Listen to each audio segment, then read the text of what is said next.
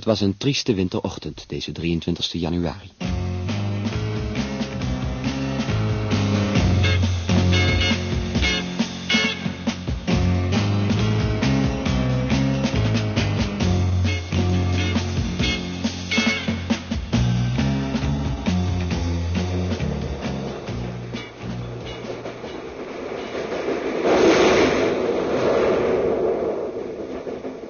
Het regende een beetje. Ik had de hele ochtend in de trein gezeten. Een stuk nieuw leven tegemoet. Wie wat bereiken wil, moet uitvliegen. En dat betekende voor mij van Groningen naar Breda.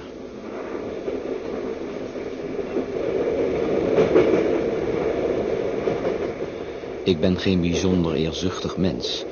En ik ben hoofdzakelijk daarom arts geworden... omdat dit beroep relatief genomen bestand is tegen crisis. Maar eerzucht, ook gesimuleerde, trekt bijna automatisch de hogere inkomens naar zich toe. En dat vind ik er nu weer het plezierige van, want het leven is duur.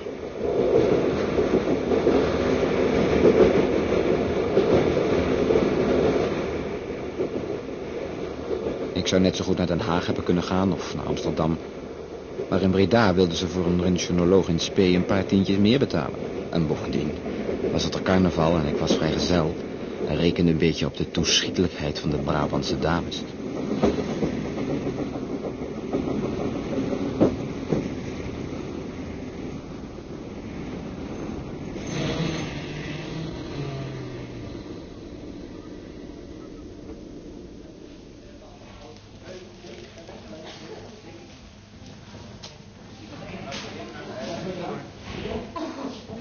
Ik besloot eerst wat te gaan eten...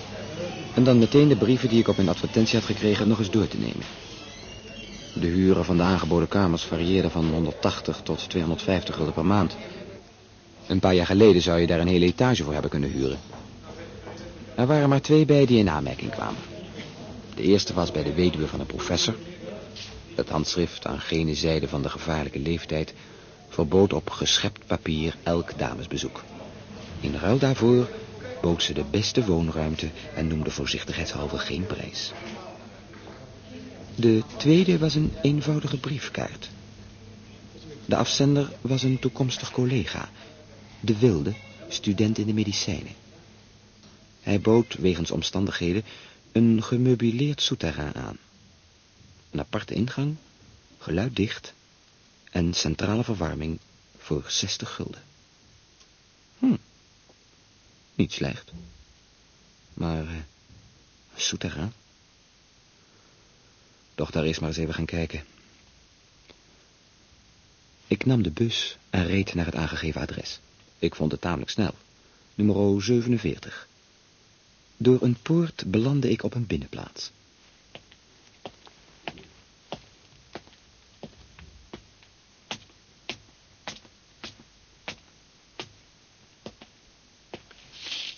In het achterhuis leidden een paar treden naar een deur beneden.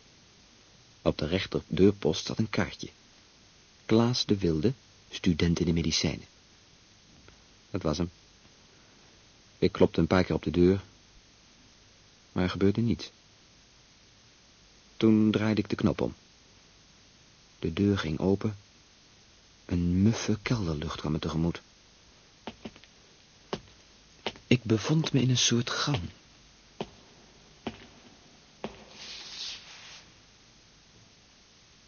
Aan het einde van de gang zag ik nog een deur. Aan het raam zat iets wits. Ik liep er langzaam naartoe.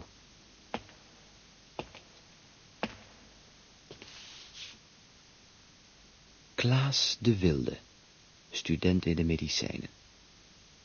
Hm, hetzelfde kaartje als buiten.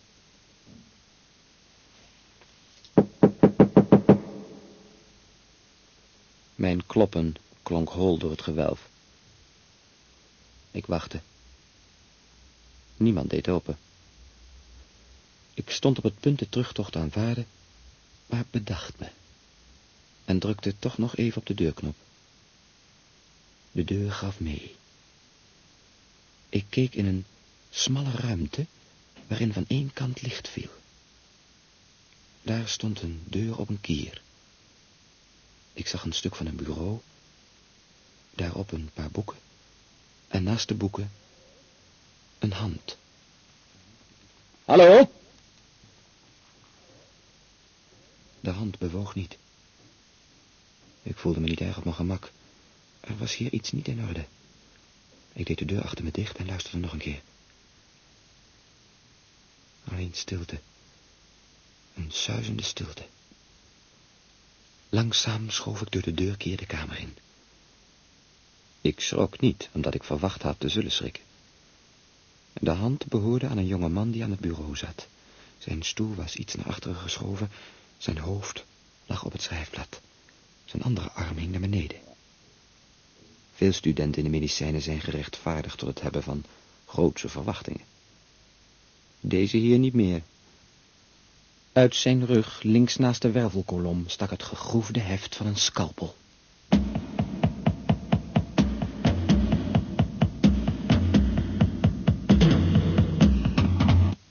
Het duurde even voordat ik weer helder kon denken. Mijn verblijf in Breda begon goed.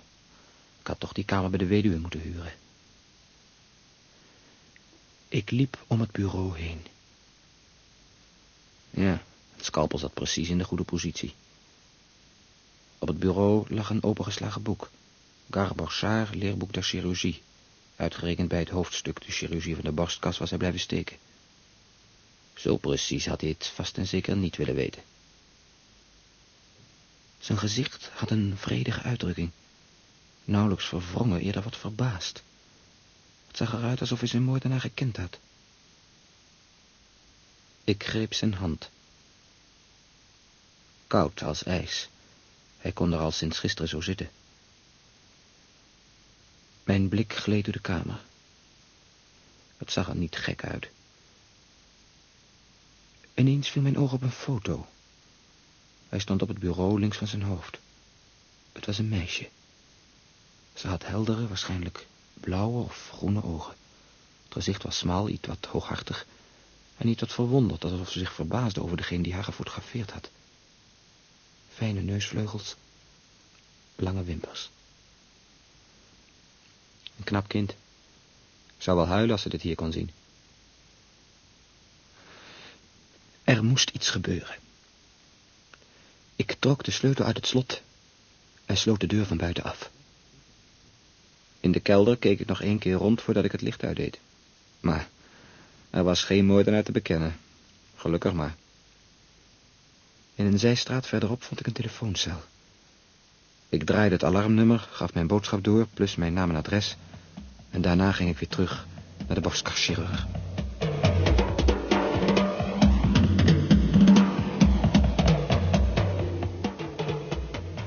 We zaten tegenover elkaar, de inspecteur en ik. Om ons heen werkte zijn team met een zwijgende precisie. De grijze politiearts keek afwisselend naar de doden en in het chirurgieboek. Waarschijnlijk wilde hij zijn kennis wat opfrissen. De commissaris hield mijn legitimatiebewijs als een gezangenboek in zijn hand. Dokter Johannes Tervaart, Groningen. Hm. Dat is nogal een eindje uit de buurt, nietwaar? Tamelijk. Ruim drie uur met Intercity. Uh Wat uh, komt u in Breda doen? Als u mij niet achter slot en grendel zet... dan zou ik morgen mijn functie als functionoloog kunnen aanvaarden. Maar waarom zou ik u achter slot en grendel zetten? Kent u de dode? Nee. Wat doet u dan in zijn kamer? Ik had een advertentie gezet in de Bredase Courant. Uh Hij heeft me geschreven en nu wilde ik de kamer bekijken. Ah. Heeft u die brief toevallig bij u? Ik liet hem de kaart zien. Hij las hem nauwkeurig. Intussen droegen ze de arme kerel weg. Ik keek hem na, het mes in zijn rug bewoog. Het liefst was ik erheen gelopen en had het eruit getrokken. Heeft u iets aangeraakt? De deurknop de sleutel. Uh -huh. En oh ja, zijn, uh, zijn hand. Het mes? Nee. Is maar goed ook. Hij zweeg een poosje en krabbelde wat in zijn notitieboekje. Plotseling keek hij me aan met een nieuwsgierige blik in zijn ogen. Wilt u deze kamer nog steeds hebben? Waarom niet? Zoiets vind je niet elke dag. Wat u zegt. Maar u zult toch nog minstens een week geduld moeten hebben. We moeten hier eerst eens alles overhoop halen. Ik heb de tijd. Nou dan. Hm. Veel plezier. Dank u. Voor 60 gulden in de maand kun je niet al te veel verwachten. Hmm. Toch zou voor mij een moord de deur dicht doen. Hij grijnsde en nam afscheid. Ik ging naar de huisbaas en sprak met hem af dat ik de kamer zou nemen zo gauw de politie hem vrij had gegeven. Hij was blij om weer zo gauw kwijt te zijn. Ik weet niet welk duiveltje het me influisterde, maar op de een of andere manier had ik het gevoel dat als ik hier bleef, ik de knaap op het spoor zou komen die de jongen het mes zo nauwkeurig in de goede positie in zijn rug gestoken had. Bovendien was dit een geschikte omgeving. Geen hospita die s'morgens een scène maakt als je een meisje tegenkomt. S'avonds nam ik een kamer in een goedkoop hotel in de buurt van het station. De volgende morgen schreed ik waardig door de hoofdingang van het ziekenhuis... waarin ik voortaan mijn talenten tentoon zou spreiden.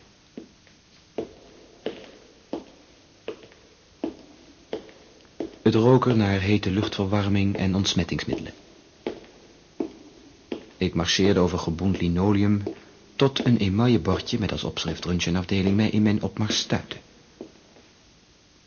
Een jonge verpleegster die daar rondliep... vroeg ik naar de kamer van de eerste röntgenoloog. Ze bracht mij erheen. Ik ging in een gemakkelijke stoel zitten. Voor het eerst had ik rust. Na tien minuten verscheen er een heer met een hoed, type professor, ik weet het. Zoetemelk, zei hij en maakte een lichte buiging. En toen ik mijn naam gemompeld had... Ik heb gehoord dat u bij ons wilt komen werken, collega. Waarom is uw keus juist op Breda gevallen? Vanwege het carnaval. Zo, zo. hij lachte als een boer die kiespijn heeft. Hij zag er ook niet naar uit dat hij ooit een feestneus op had gehad. Zit u al lang in de röntgenologie? Twee jaar. En u wilt zich hier specialiseren? Dat ben ik wel van plan. En dan? En dan wil ik proberen om hier geneesheer-directeur te worden. En u?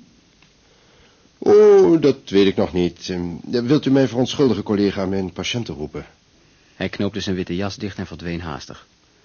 Die zou van nu af aan wel nog ijveriger worden. De eerste röntgenoloog kwam om half tien binnen, zoals hij aan zijn stand verplicht was. Hij heette Lans, was klein van stuk en zag er vriendelijk uit. Ah, beste collega, doet me plezier dat u bij ons gekomen bent. Onze röntgenafdeling is onderbezet, jammer genoeg. En de collega van de andere afdelingen? nou, u weet hoe dat gaat. In hun ogen zijn wij geen echte medici. Toch hebben ze ons nodig. Elke dag weer. Wij hebben, zoals u wellicht al weet, geen eigen chef. Wij staan direct onder de geneesheer-directeur professor Stevens, chirurg. Zo'n aardige man. Ik raad u aan u zo snel mogelijk aan hem voor te stellen. Ach, dat weet u natuurlijk zelf ook wel. Over details kunnen we de komende dagen wel eens worden. Als u vragen heeft, komt u of bij mij of u wendt zich tot juffrouw Jacobs, uw toekomstige assistente. Zij is ongetwijfeld het best op de hoogte. Ja, ze is pas over een paar dagen weer aanwezig, heeft vakantie. Maar ik ben er. Zo, en nu mag ik u misschien uw collega voorstellen, als u mij wilt volgen.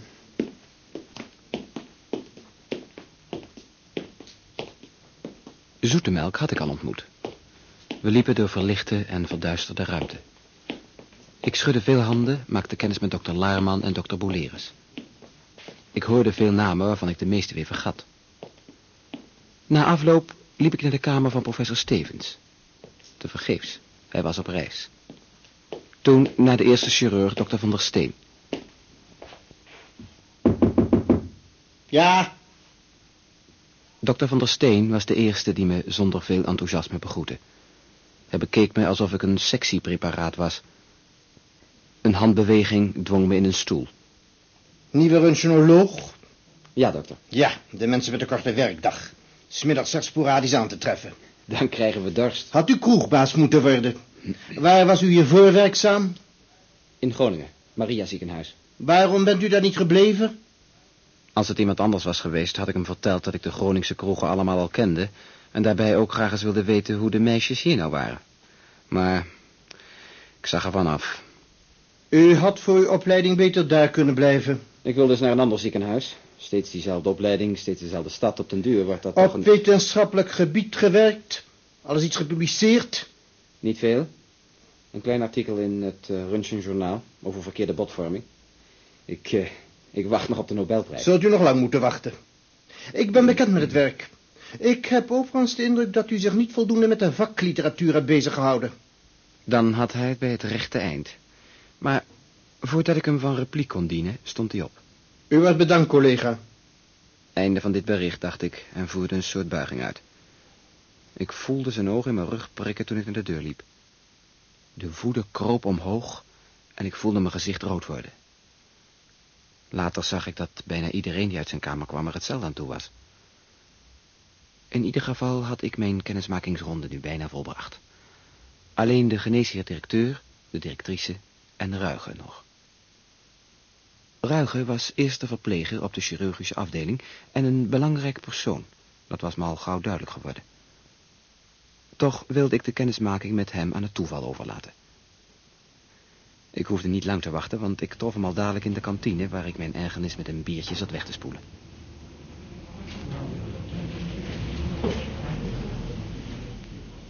Hij zag er erg onverzorgd uit. Zijn jas hing slordig om hem heen. Uit zijn linkerzak stak de laatste editie van de krant. Ook later zag ik hem nooit zonder zijn krant. Hij kwam op me toe en ik noemde mijn naam. Wilt u hier uw brood verdienen? Ruig is de naam. Gepermitteerd. Is tijd voor mijn medicijn. Barietje, voor mij ook een pilsje. Chirurgie, Röntgenologie. Op het ogenblik alleen breuken. kan u tevreden zijn. Goede business. En eh, Evelientje is het stuk van de zaak. U bedoelt uh, juffrouw Jacobs? Precies. Ik zal haar behandelen als mijn bruid in de eerste huwelijksnacht. Werkt u al lang hier? Al twaalf jaar. Ik behoor zo langzamerhand tot de inventaris. Ik heb hier al van alles meegemaakt. Chirurgie is een eh, vermoeiende bezigheid. Mij te vermoeiend. Gelijk heb u. Voorop, de hele dag staan. Steeds eten onder je neus. Als die Evelien werkelijk zo'n stuk is als u beweert... dan... eh, nou, dan hou ik het hier wel uit. Evelientje, aardig kind. Maar, pas op dokter. Meisjes zijn aardig zolang je ze om kan wisselen. u bent een wijs man. Ja, ja, pas maar goed op. Er lopen hier heel wat poppetjes in huis die graag eens wat, eh, een wat oudere zuigeling zouden knuffelen. Kijkt u liever wat in de stad rond. Ja, gelukkig is het carnaval. Ach, wat carnaval. Valt toch niks te versieren. Daar gaan die Griekjes nooit alleen heen. Ze gaan eh, of met hun vriendje van kantoor, of, eh, of met die van dansles. Of zelfs met die van de kleuterschool. nee, de galant blijft steeds binnen het gezichtsveld om, om erop toe te zien dat zijn aangebedene niet belacht wordt. Ik zal wel eens polshoogte gaan nemen. Misschien gaat die, eh, die mooie Evelien ook wel een keertje mee. Zou het u niet kunnen zeggen, maar eh, alles is mogelijk. Zo, we weer eens aan het werk. Prettig met u kennis gemaakt hebben, dokter. Mhm. Er zijn er niet veel van uw soort die met ons eens een pilsje vatten. Ze leiden allemaal aan hoogmoedswaanzin. Nou, eh, tot ziens maar weer. Tot ziens.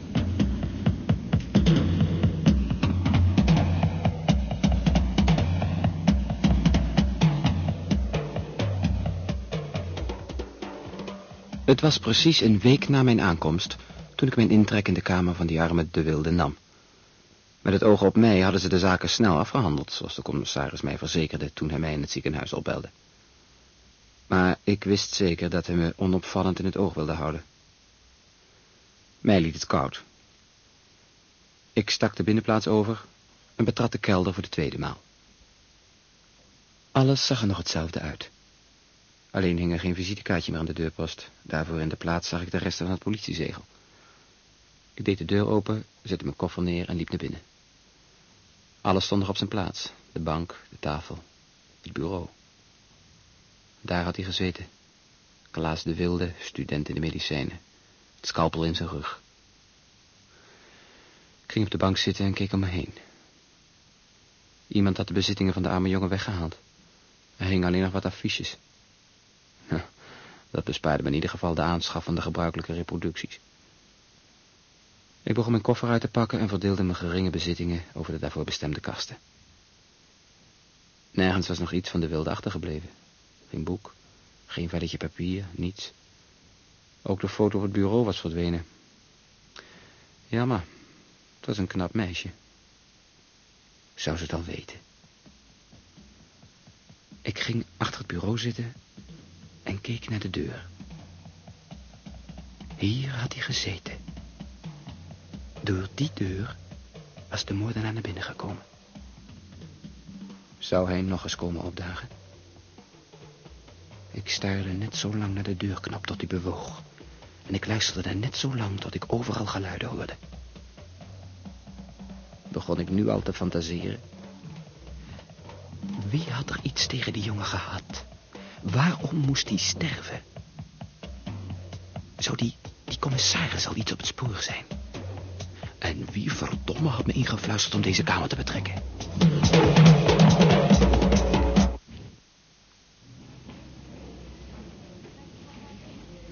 Mijn werkdag begon deze middag in de kantine.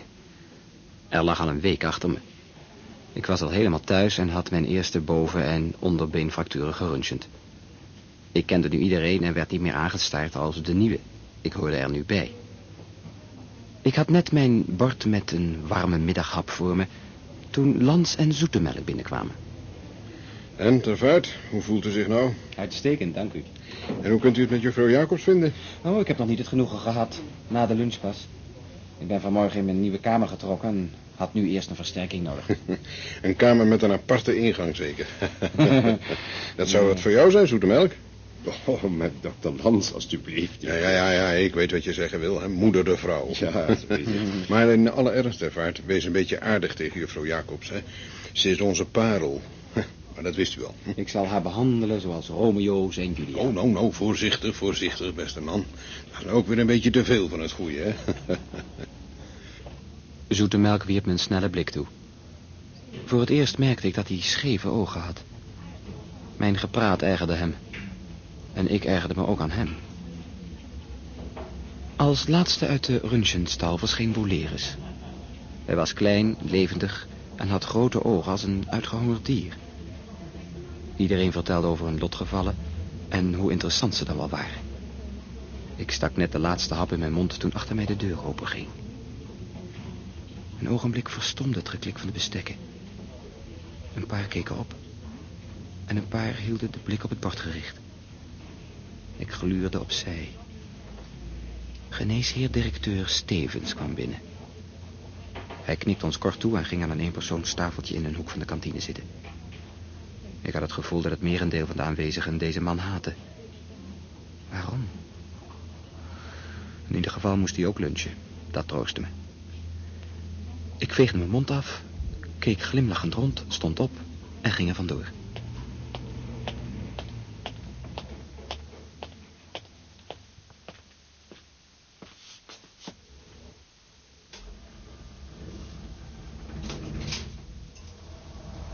In de lift probeerde ik me te concentreren op mijn nieuwe assistente. Ruiger had haar een stuk genoemd. En mijn collega knepen hun ogen samen als het gesprek over haar ging. Ik kon dus wel wat verwachten, dat stond vast.